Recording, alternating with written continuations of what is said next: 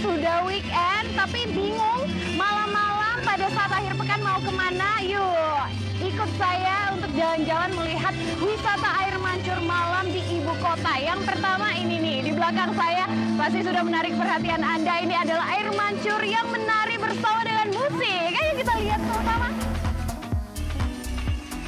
Inilah pertunjukan air mancur menari di lapangan Banteng, Jakarta Pusat. Wah, indah ya. Apalagi air mancurnya berwarna-warni dan bisa bergerak seperti menari mengikuti alunan lagu. Lapangan Banteng merupakan ruang terbuka publik yang bisa digunakan oleh warga tanpa dipungut biaya alias gratis. Nah, Anda yang ingin menyaksikan air mancur menari harus datang pada akhir pekan. Sebab pertunjukan ini hanya diadakan setiap Sabtu dan Minggu. Pertunjukan terbagi atas dua sesi dengan durasi sekitar 15 menit setiap sesinya. Sesi pertama berlangsung pukul 18.30 dan sesi kedua pukul 19.30. Ih, keren banget ternyata bukan hanya manusia yang bisa menari, tapi juga air mancur ini bisa menari. Keren banget nggak sih tadi ngelihatnya? Aska ngelihatnya yang paling disukain apa tadi? Air mancur eh. Lampunya, musiknya. Gitu. Iya. Tapi ini ibu datangnya sama anak-anak. Ini dari mana nih bu? dari Kenari Salemba. Ini emang khusus datang buat nonton ini atau baru udah sering nih ke lapangan Bantek buat nonton? Saya kalau buat nonton udah dua kali nonton.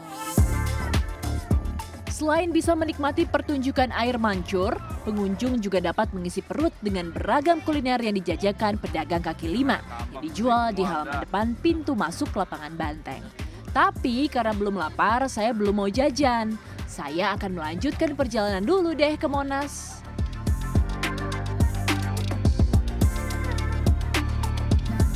Siapa nih yang berkunjung ke Monas hanya untuk melihat tugu yang menjadi simbol kota Jakarta? Eits, ternyata ada lagi hiburan yang menarik, yaitu pertunjukan air mancur. Seperti juga air mancur di lapangan Banteng, pertunjukan air mancur di Monas juga menggunakan konsep air mancur menari dengan diiringi alunan lagu dan lampu yang berwarna-warni. Setelah pertunjukan selesai, para pengunjung langsung berjalan mendekati Tugu Monas. Saya pun berjalan mengikuti kerumunan.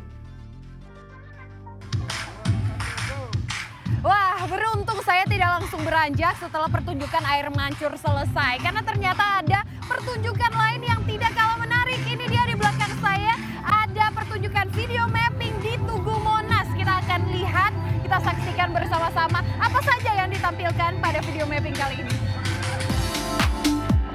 Wah, atraksi video mappingnya indah sekali ya. Seakan Tugu Monas hidup penuh dengan warna-warni tayangan bertemakan kota Jakarta. Nah, Anda yang ingin melihat air mancur dan video mapping di Monas harus bersabar. Sebab pertunjukan ini hanya digelar pada hari libur tertentu. Saya kebetulan berkunjung menjelang Natal dan Tahun Baru. Pada tahun 2024 ini pertunjukan air mancur dan video mapping rencananya diadakan pada masa libur Idul Fitri, hari ulang tahun DKI Jakarta, hari kemerdekaan RI, serta Natal dan Tahun Baru. Sepertinya saya belum puas jalan-jalan nih. Destinasi selanjutnya saya ke Bundaran Hotel Indonesia untuk melihat atraksi air mancurnya. Agar bisa melihat air mancur lebih jelas, saya masuk ke halte Bundaran HI dengan tap in dan tap out menggunakan kartu uang elektronik yang saldonya terpotong Rp3.500. Kemudian saya naik ke anjungan halte. Nah, ini dia tipsnya untuk melihat air mancur di Bundaran HI secara lebih jelas dan juga lebih menarik melalui halte Bundaran HI. Jadi Anda hanya perlu naik ke arah skydeck-nya, kemudian perlu mengantri. Seperti saya saat ini perlu mengantri untuk bisa ber, secara bergiliran, bergantian untuk melihat air mancur dari ujung skydeck atau anjungan di halte Bundaran HI. Kita antri ya lanjut. Dari ketinggian anjungan halte Bundaran HI, kita bisa berfoto dengan latar belakang air mancur. Jadinya semakin indah deh.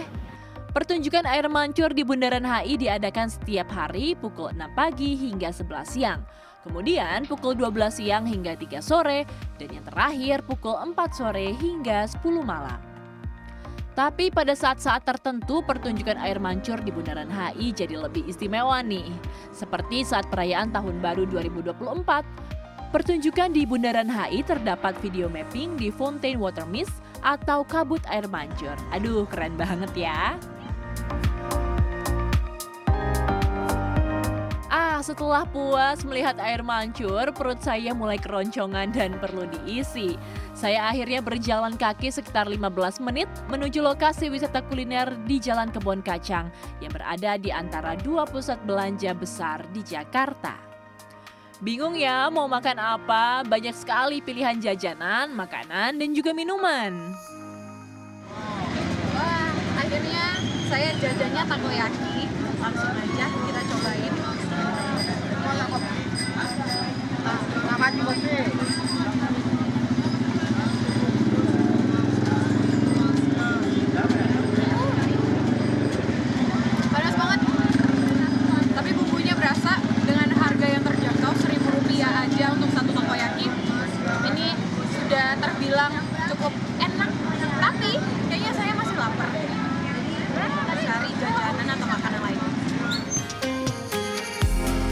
Para pedagang makanan di Jalan Kebon Kacang biasanya mulai berjualan pukul 11 siang sampai dagangan mereka habis atau sekitar pukul 12 malam atau pukul 1 hingga 2 dini hari.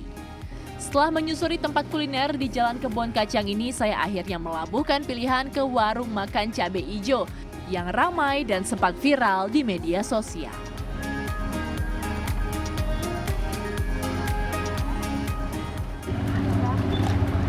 Ah, pedas banget.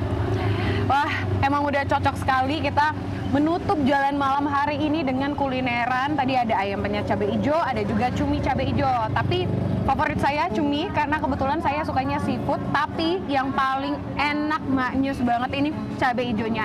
Gurih, pedas banget. Tapi pedasnya ini bikin kita pengen nambah lagi. Ah. Selanjutnya kita jalan malam ke mana lagi ya? Monika Kunado, Galuh Prestisa, Jakarta.